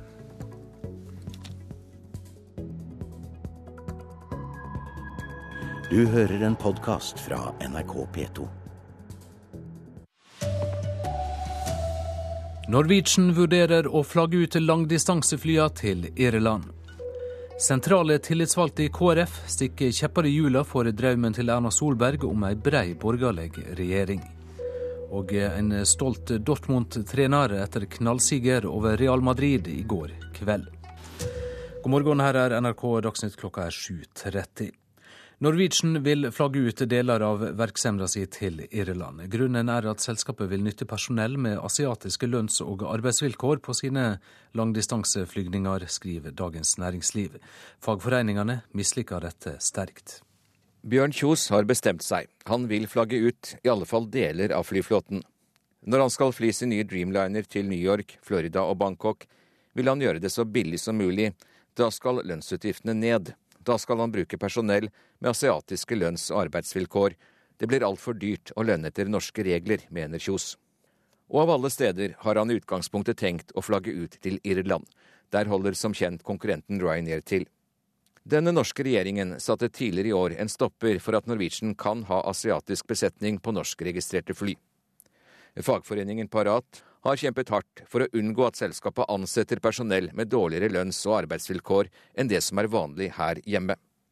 Nestleder Vegard Einan i Parat reagerer på at Kjos nå har planer om å flagge ut til Irland. Det her er ikke snakk bare om norske arbeidsplasser eller skandinaviske arbeidsplasser. Her er det snakk om eh, både europeiske, men også amerikanske arbeidsplasser. For det er ingen europeiske flyselskap i dag som bruker asiatisk arbeidskraft på europeiske rute. Til Dagens Næringsliv sier kommunikasjonsdirektøren i Norwegian, Anne Sissel Skånvik, at selskapet ikke har tatt noen endelig beslutning når det gjelder Irland. Men landet er aktuelt fordi det er et EU-land, og fordi leasingselskapet som skal leie ut de to første flyene, har kontorer der, sier Skånvik. Og der kan altså Kjos tjene penger på de nye langdistanserutene. Når vi ser nå at Ryanair eh, hevder at de følger irsk lov og har irske vilkår på sine irskregistrerte fly, og at, Norwegian da skulle få lov å ha asiatiske vilkår på, på en annen base innenfor det samme myndighetssystemet, det, det vil jeg jo finne veldig merkelig at myndighetene i Irland skulle godta. Reporter var Hans-Jørgen Solli. Det er uaktuelt for KrF å delta i ei regjering der Høyre og Frp har flertall alene, slik målingene viser. Dermed får ambisjonen til Erna Solberg om ei brei borgerlig regjering et alvorlig skudd for baugen. NRK har snakka med 30 av de mest sentrale politikerne i KrF, og de fleste mener at ei brei borgerlig regjering er lite sannsynlig hvis Frp og Høyre får flertall alene på Stortinget. Jeg tenker at vi ikke skal være med i den type regjering. Jeg må sitte på kofferten for å få den igjen, skal vi se. Der, vet du, gikk det. Full koffert når Kristelig Folkepartis førstekandidat i Akershus, Malin Stensønes, pakker til partiets landsmøte som begynner i dag. Ved siden av sakspapirer og pensko har hun med seg klare anbefalinger om hvem KrF bør og ikke bør sitte i regjering med. Ja, jeg vurderer eh, en regjering med KrF og Fremskrittspartiet som veldig lite sannsynlig. Og det er gjennomgangstonen når NRK har snakket med flere enn 30 av KrFs mest sentrale tillitsvalgte. Ingen uttrykker glede ved tanken på å sitte i regjering med Fremskrittspartiet. Jeg tror vel hos våre så er eh, begeistringen for det er nok eh, ganske liten. Selv om alle vil være konstruktive og sørge for regjeringsskifte. I ett år har Høyre og Frp hatt flertall alene på meningsmålingene, men 20 av 30 KrF-ere sier nei til å gå i regjering hvis det blir valgresultatet. En av dem er listet opp i Nordland, Ingelin Noresjø. Dersom de får flertall alene, så tror jeg nok at KrF vil gå i opposisjon og være et konstruktivt opposisjonsparti. Dermed kan det se mørkt ut for firepartiregjeringen som Høyre-leder Erna Solberg snakker varmt om. For også KrF-leder Knut Arild Hareide er svært skeptisk til å bli med i en regjering der han ikke trengs. jeg vil ikke utelukke noe nå, men jeg ser det som veldig usannsynlig at KrF går inn i en regjering der de blå-blå har rent flertall. Reportere her var Siv Sandvik og Sigrid Sollund, og du kan følge live oppdateringer fra landsmøtet til KrF på nrk.no. Og partileder Knut Arild Hareide er gjest i Politisk kvarter kvart på åtte. Flere steder i landet har politiet begynt å måle hvor raske de er på å rykke ut. En av grunnene er kritikken som var som ble reist mot politiet etter 22.07-angrepene. Politiet har tidligere bare tatt noen få stikkprøver og på hvor lang tid de bruker fra alarmen går til den første politipatruljen kommer fram. Men de siste månedene har flere politidistrikt begynt å måle utrykkingstida.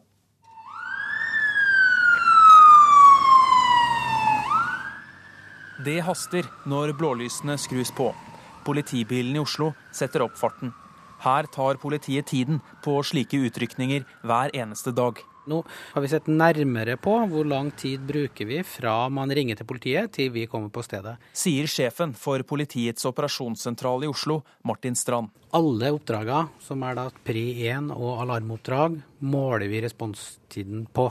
Vi tar ikke bare et lite utdrag, vi tar alt. Også i Nord-Trøndelag, Vest-Finnmark og Sogn og Fjordane har politiet begynt å ta tiden på seg selv. Politidirektoratet har tidligere sagt nei til å måle og sette krav til utrykningstider.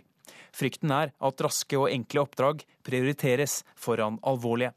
Men de neste månedene skal spørsmålet vurderes på nytt av en egen ekspertgruppe i politiet. Den ledes av politimester i Rogaland, Hans Vik. Hovedspørsmål én er om en i tilfelle skal øh, innføre krav til responstid. Og i tilfelle, hvis en gjør det, så er det andre hovedspørsmålet hva type hendelser og type situasjoner skal det i tilfelle gjelde for. Og det tredje blir spørsmålet om hva kvalitet en da skal gi respons med. Reporter Haldor Asvald. Mjølkebøndene har forventninger om en solid inntektsauke i årets jordbruksoppgjør som starter i morgen. Det er regjeringa sine utsegner fra i fjor som gjør at optimismen er større enn på lenge. Arnt Børseth, som er mjølkebonde i Trøndelag og tillitsvalgt i Tine, vil ha 15% i inntektene. Da er forventet et betydelig løft, da. spesielt i melkeproduksjon og kjøttproduksjon. Ja, hvor, hvor, høyt løft bør komme? Ja, det bør komme på 15% 15 kaffe. Ut av fjøset og til Lillestrøm på Tines årsmøte. Samme uke som jordbruksorganisasjonene leverer årets krav fra landbruket til staten. Jeg kunne godt tenkt meg at vi krev eh, mye mer. Fra talerstolen var kravlista klar. Tines eiere vil ha mer betalt for melka, og forventningene er ekstra høye i år, sier Leif Ove Sørby fra Øvre Eiker, som de siste årene har investert 10 millioner kroner i melkebruket sitt. Ut ifra de signalene som er gitt nå i forkant av, av jordbruksforhandlingene, så har jeg større forventninger enn jeg hadde i fjor. Det er fjorårets uttalelser fra de rød-grønne som gjør at vi er optimister, sier Telle Fodnebrok, melkebonde fra Grimstad. I fjor sa de at de kunne ikke gi oss eh, mer penger. Men de neste år, som er i år, så kunne de gi mer penger. Så jeg er optimist. Reporter Line Tomter. Ei uke før LO-kongressen er det beinhard valgkamp og usikkert hvem som blir ny LO-leder. Leierkampen blir trolig ikke avgjort før på selve kongressen, sier leder i Fagforbundet Jan Davidsen. Han mener Gerd Kristiansen vipper utfordrer og motkandidat Tor Arne Solbakken til side. For det første fordi at Gerd er en eh, veldig flink leder. Gerd har en eh, veldig god uh, erfaring med de enorme omstillingene som har skjedd innenfor helsesektoren. Du kan ta omsorgssektoren, generelt kommunesektoren som hun kommer ifra. Og i tillegg til det så har hun altså vært med å lage det største forbundet i LO. Så hun er rett kvinne? Ja, om hun er kvinne eller mann, så mener vi uansett at Gerd er den eh, rette personen. Dortmund-trener Jürgen Klopp var svært stolt etter 4-1-sigeren over Real Madrid i går kveld. Den første av to semifinaler i Meisterligaen var et historisk øyeblikk for klubben, ifølge den populære treneren. For det første, takk sa en smilende Jørgen Klopp til et måpende spansk pressekorps under Westfalen stadion i Dortmund seint i går kveld. Den meget populære treneren forklarte at for å komme inn på presserommet må han gå gjennom museet til klubben, der de samme gamle filmene blir vist igjen og igjen. Nå er det på tide å skifte film og vise de fire måla til Robert Lewandowski. For polske Lewandowski banka alene inn samtlige fire mål for heimelaget. Ja, det var unglaublich Spieler. Nada es imposible. Ingenting er umulig, messer Real Madrid-trener José Mourinho, litt gråere i håret. Om ei veke er det returmøte. Siger 3-0 vil bety mesterligafinale for de hvite. Det skal Mourinho prente inn i spillerne den kommende veka.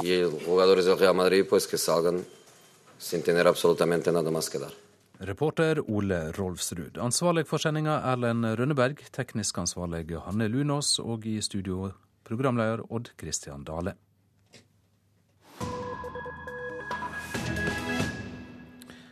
Dette er P2s Nyhetsmorgen. I helgen var det presidentvalg i Paraguay i Sør-Amerika. Den 56 år gamle Horatio Cortes vant overlegent, men etter valgseieren har det oppstått problemer. Den nyvalgte presidenten er blitt syk og har fått påbud fra legen om å holde seg absolutt i ro. Esta distinción es un enorme compromiso, pero hermoso. Y les digo por qué. Porque sé que se puede. Horacio Cortes er et ubeskrevet blad rent politisk. Han hadde aldri stemt ved noe valg før for fire år siden. Men som en av Paraguays rikeste menn har han åpenbart greie på business, og det ser ut til å ha virket tiltalende på velgerne. Ut ifra logikken at uh, klarer han å drive et stort firma med suksess, så klarer han nok også å bestyre et forholdsvis lite land og få til en smule vekst og velstand. En serio, yo eh, no era mi partido, pero realmente me quedé sorprendida. Se. Tenemos la esperanza que lleve el nombre Paraguay bien alto. Paraguay er landet som ble styrt av diktatoren Alfredo Strøsner i 35 år. Han ble styrtet i 1989, men i de mellomliggende årene har ikke landet helt greid å komme seg ut av sin egen forhistories skygge. Ikke minst fordi Strøsners eget parti, Colorado-partiet, fremdeles sitter ved makten, og fordi de mange offentlige ansatte står i takknemlighetsgjeld til nettopp Colorado-partiet. De er nemlig så heldige at de har en jobb som partiet i mange sammenhenger har skaffet dem. I et land der om lag 40% av befolkningen er fattige, så er fast inntekt ingen selvfølge. Es apenas el camino desviado que a partir de hoy lo vamos a empezar a corregir y le vamos a dar el nuevo rumbo que queremos todos los paraguayos. Mannen som i helgen fikk velgernes tillit, Horacio Cortes, har slått seg opp på tobakk og mineralvann. Han eier nå flere banker og en av landets beste fotballklubber. Hans politiske motstandere har forsøkt å knytte ham til narkotikahandel og hvitvasking av penger, men ingenting er bevist, og han har aldri dømt for noe. Men anklagene avspeiler uansett hvordan mange rike paraguayanere har tjent sine penger. Det er piratkopiering og smugling, illegal handel og narkotika. Landet sliter voldsomt med både korrupsjon og kriminalitet, og den forrige presidenten, Fernando Lugo, ble avsatt. Årsaken var at han fikk det politiske ansvaret da paraguayansk politi i fjor drepte 17 fattige leilendinger. Lo hemos dicho antes, lo hemos dicho hoy, y al final de esta jornada de volver a decirles muchísimas gracias. Horacio Cortes har lovet å reformere økonomien og politikken. Han vil åpne for investeringer og utenlandsk kapital.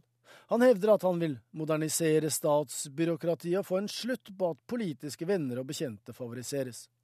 Han er mot abort og samkjønnsekteskap, og har allerede fått positive tilbakemeldinger fra nabolandene, som frøs ned forholdet til Paraguay da farsene og rettssakene mot forgjengeren Logo gjorde forbindelsene vanskelige. Horacio Cortes er frittalende og rett frem. Han sier selv at Gud og Paraguay har gitt ham alt.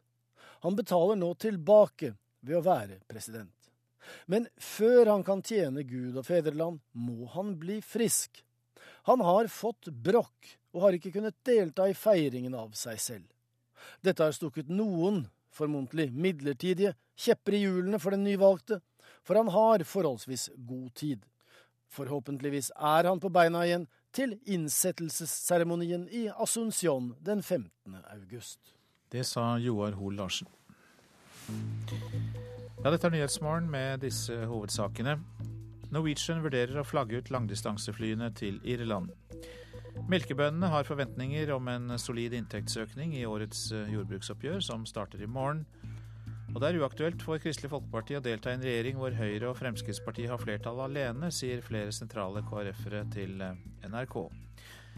Ja, og i dag åpner nettopp Kristelig Folkepartis landsmøte i Trondheim. Der er du eh, programleder i Politisk kvarter, Per Arne Bjerke.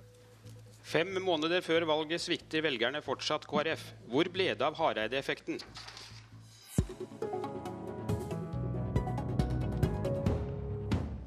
Velkommen til NRKs landsmøtestudio her i Trondheim, leder i Kristelig Folkeparti, Knut Arild Hareide. Ja, tusen takk.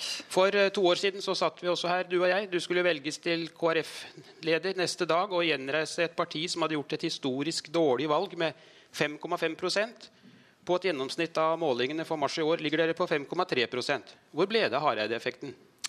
Ja, Når vi ligger på 5,3 i snitt nå, så har det vært en positiv utvikling eh, det siste året. Du nøyer deg med lite, altså? Jeg ikke, nøyer ikke meg med lite, men det jeg ser er at vi har alle muligheter til å gjøre et bedre valg enn eh, vi gjorde sist. Og da har vi snudd en trend som har vært faktisk i, i eh, over et tiår for KrF.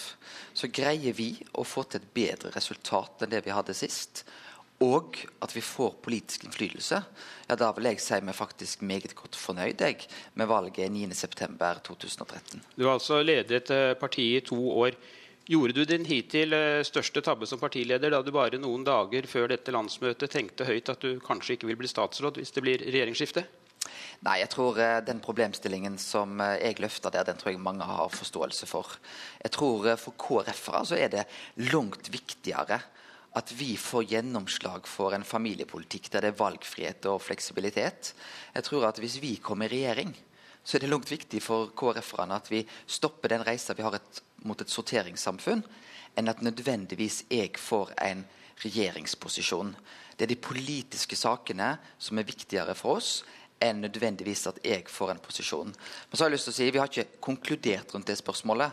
Og nå har KrF all fokus på å vinne valget. Og når vi har vunnet valget, da skal vi sette oss ned. Og så er det òg en stor glede at vi har veldig mange gode, dyktige statsrådskandidater. Der står vi kanskje i en særposisjon som politisk parti. Og det er jo en fornøyelse for en partileder å ha mange å kunne velge mellom. Geirmund Lykke, kommunalråd for eh, Kristelig Folkeparti her i Trondheim. Hva vil du si til partilederen som lurer på om han vil bli statsråd? Eh, det tror jeg ikke er det riktige tidspunktet nå vi skal gjøre denne beslutningen uansett. Det er så mange usikkerhetsfaktorer. Det er ikke engang sikkert at vi skal inn i regjering. Å bruke veldig mye tid på det akkurat nå tror ikke jeg er klokt. Og så tror jeg det at eh, Om et halvt år så kan bildet bli et helt annet. Eh, både Eh, det mannskapet som vi rår over på Stortinget, og det, den regjeringskonstellasjonen, styrkeforholdene mellom partiene der, vil kunne ha betydning for eh, hvordan partiet skal håndtere den saken. Ja, vi skal eh, videre med regjeringsspørsmålet som du tar opp. for Som vi hørte i nyhetene tidligere i dag, så er det skepsis til i Kristelig Folkeparti mot å samarbeide med Fremskrittspartiet. Hareide, kommer dere eller kommer dere ikke til å sitte i regjering med Frp hvis det skulle bli ikke, en ikke-sosialistisk valgseier? Ja, Dette spørsmålet har vi vært veldig tydelige med etter vi landa den saken i landsstyret i september. Og Det vi sier veldig tydelig, er at vi vil snakke med alle partiene på ikke-sosialistisk side for å få til en ny regjering. Det vil altså si, Stemmer du på KrF, så stemmer du på en ny regjering. Og det vi er tydelige på, er at vi ønsker Erna Solberg som en ny statsminister. Og jeg tror Sånn jeg opplever KrF nå, så er det et parti som har veldig lyst i regjering. Vi har opplevd åtte år der vi på mange måter har sittet på gangen som tilskuere til rød-grønn regjering, som på mange ting, områder har gjort det bra, men òg på en del områder har gått i stikk motsatt retning ja. av det KrF ønsker. Men uh, det er jo litt uklart hva slags regjering dette blir. For Geirmund Lykke, du er partiets frontfigur i Trondheim, og i tillegg er du med i partiets sentralstyre. Og til Adresseavisen i dag så sier du at det kan bli svært ødeleggende for KrF å bli et støtteparti for en Høyre-Frp-regjering. Hvordan vil du begrunne det? Jeg mener at eh, ordningen med støtteparti til en mindretallsregjering det er uvanlig i Norge.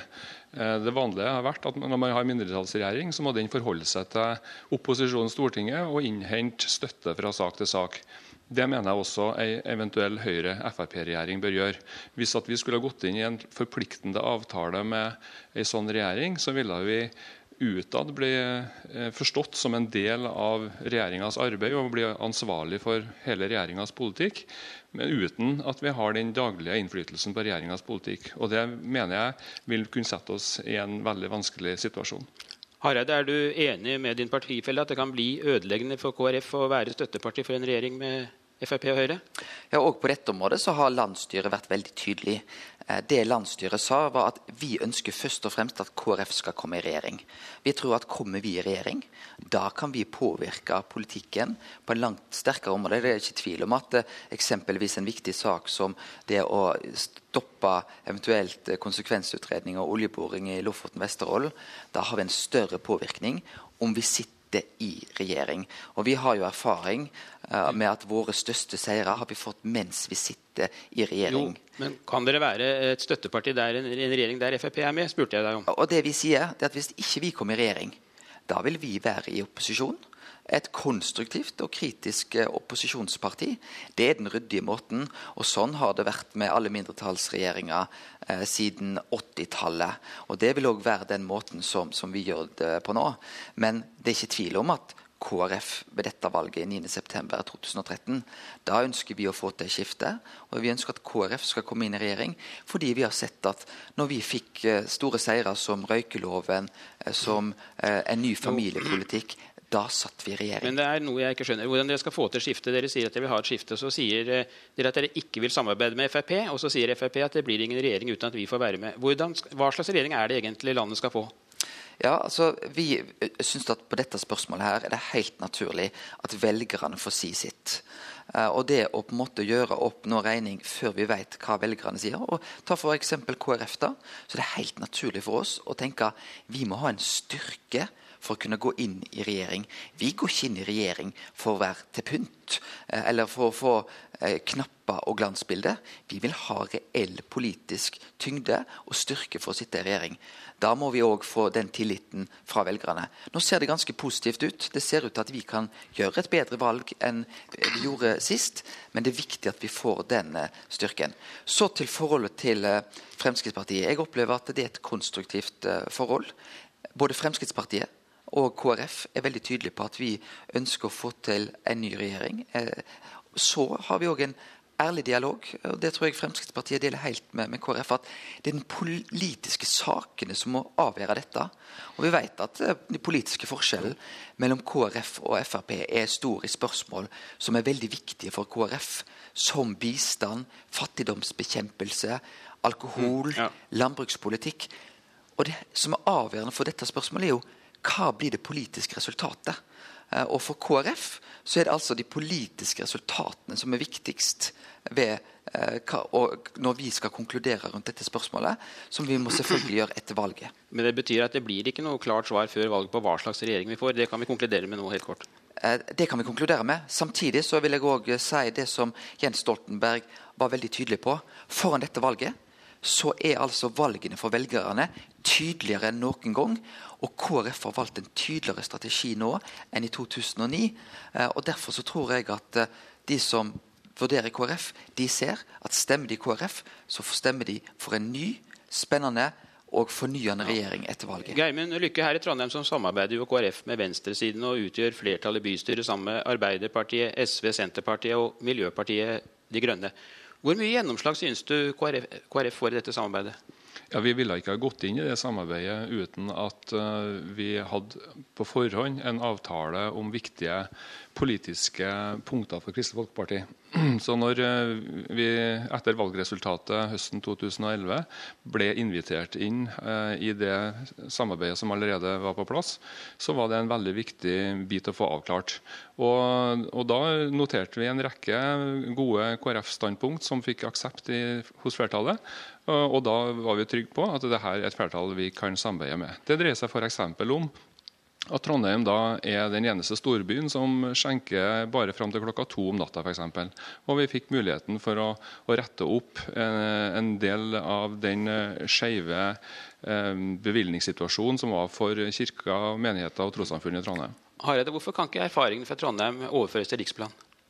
Jo, på mange måter så kan de det. Fordi at eh, det de gjorde i Trondheim, det var at her eh, gikk, valgte KrF å gå inn eh, i et samarbeid med parti, og så trekte de politikken mot sentrum. I Trondheim så var det et venstrestyre. Med KrF på laget så ble det et sentrum-venstrestyre. Og politikken kom nærmere sentrum. KrF er et sentrumsparti, og vi ønsker veldig gjerne å få politikken nærmere sentrum. Og det er klart, Skal vi inn i regjering, så er det for å trekke politikken mot sentrum. Det er jo for å få eh, en sentrum-høyre-regjering vi går til valg nå. Og så har de rød-grønne gjort dette veldig enkelt. De har sagt at de har bare én plan. Det er rød-grønt flertallsstyre. Og for KrF å sitte som tilskuer til fire nye rød-grønne år, det er verken attraktivt eller var noe realistisk alternativ for KrF. Nå tenkte jeg vi skulle prøve oss på noen ja-nei-spørsmål. Du er med på det? Ja da. På landsmøtet i Venstre ble det vedtatt å åpne for vinsalg i butikkene. Vil KrF i regjering gå med på en liberalisering av alkoholpolitikken? Nei. Gjermund Lykke, du var inne på at du styrte alkoholpolitikken i Trondheim. Er det greit med vin i butikk? Nei. Vil KrF gå med på å kutte uhjelpen, slik blant andre Frp ønsker? Nei. I morgen så legger jordbruksorganisasjonene frem kravene foran vårens oppgjør. Høyre og Frp ønsker å legge om landbrukspolitikken. Bør støtten til bøndene opprettholdes på omtrent samme nivå som i dag? Ja. Eller økes. Er skattenivået i Norge for høyt? Ja, der er det jo Nei eller ja? Da vil jeg si at eh, det er på et veldig passelig nivå. Det er faktisk Bondevik-regjeringen som har lagt nivået. Bør formuesskatten reduseres og på sikt fjernes helt, slik både Høyre og Frp ønsker? Ja, der har vi en mellomløsning. Der vi sier vi fjerner skatten på var arbeid, men vi fjerner den ikke på rikdom. Det var vel et betinget nei, og da ble det vel eh, uenighet med de andre partiene på alle de seks spørsmålene jeg stilte deg, Hareide? Ja, men det, Dette er for så vidt helt åpne spørsmål. Men hvis du tar det for eksempel formuesbeskatningen der, så sier jo de rød-grønne partiene der vil ikke vi ha noen endring. De vil ha skatt på arbeidsplasser. Mens den løsningen KrF har, ja, den løsningen er jo så god at til og med Trond Giske har sagt at det er egentlig det han drømmer om. Og Roar Flåten har sagt det samme. Og jeg tror jo at eh, når Høyre og Fremskrittspartiet får tenkt seg om, så vil de lande nettopp ned på KrFs gode vei i midten, i sentrum, som en god gyllen Så middelvei. skal du få snakke om noe som sikkert opptar deg veldig mye når det gjelder saker. På landsmøtet så skal KrF vedta nytt program, og det foreligger forslag om flere kostbare reformer. Ikke minst når det gjelder kjerneområdet deres, familiepolitikken. Svangerskapspermisjonen skal utvides til 16 måneder. Studenter og andre som ikke har arbeid, skal få en støtte på 165 000 når de får barn. Og kontantstøtten skal utvides, for å nevne tre av mange forslag. Har du regnet ut hva alt dette koster? Det er klart eh, det er betydelige satsinger som ligger på familie. Eh, Nå nevner du ulike forslag.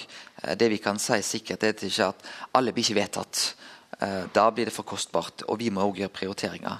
Men jeg tror at hvis vi som samfunn ikke velger å prioritere familiene, så blir det òg meget kostbart. Fordi at det å få flere barn, det er med på å sikre velferden på lang sikt. Å ta det forslaget som bl.a. da gjelder studenter, det er jo veldig urimelig og meget urettferdig i dag. At hvis en student velger å få barn, så får du altså en støtte på 40 000. Men hvis du er i arbeid, så får du en støtte fra staten på opp mot 500 000. Det er en urettferdighet som KrF er det eneste partiet som vil gjøre noe med det.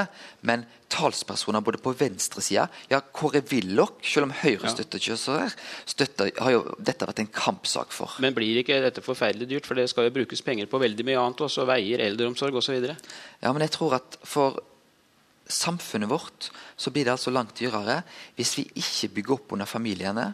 Vi ser nå altså at eh, både gjennomsnittsalderen på å bli foreldre i Norge stiger for, for hvert år.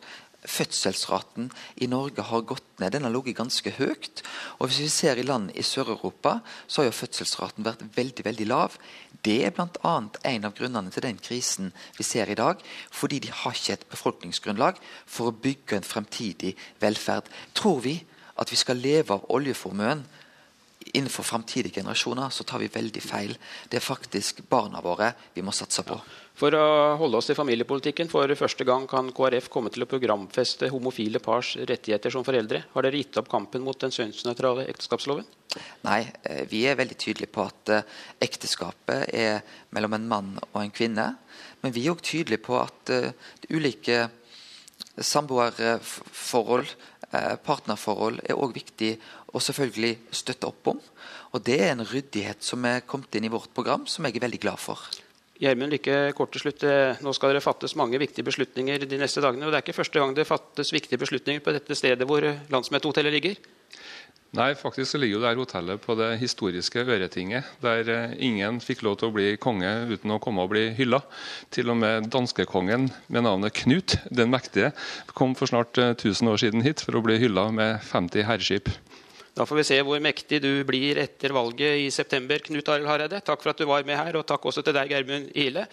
Og lykke til med landsmøtet. Tusen takk. Og det var eh, Politisk kvarter, denne gang direkte fra KrFs landsmøte i Trondheim. Jeg heter Per Arne Bjerke.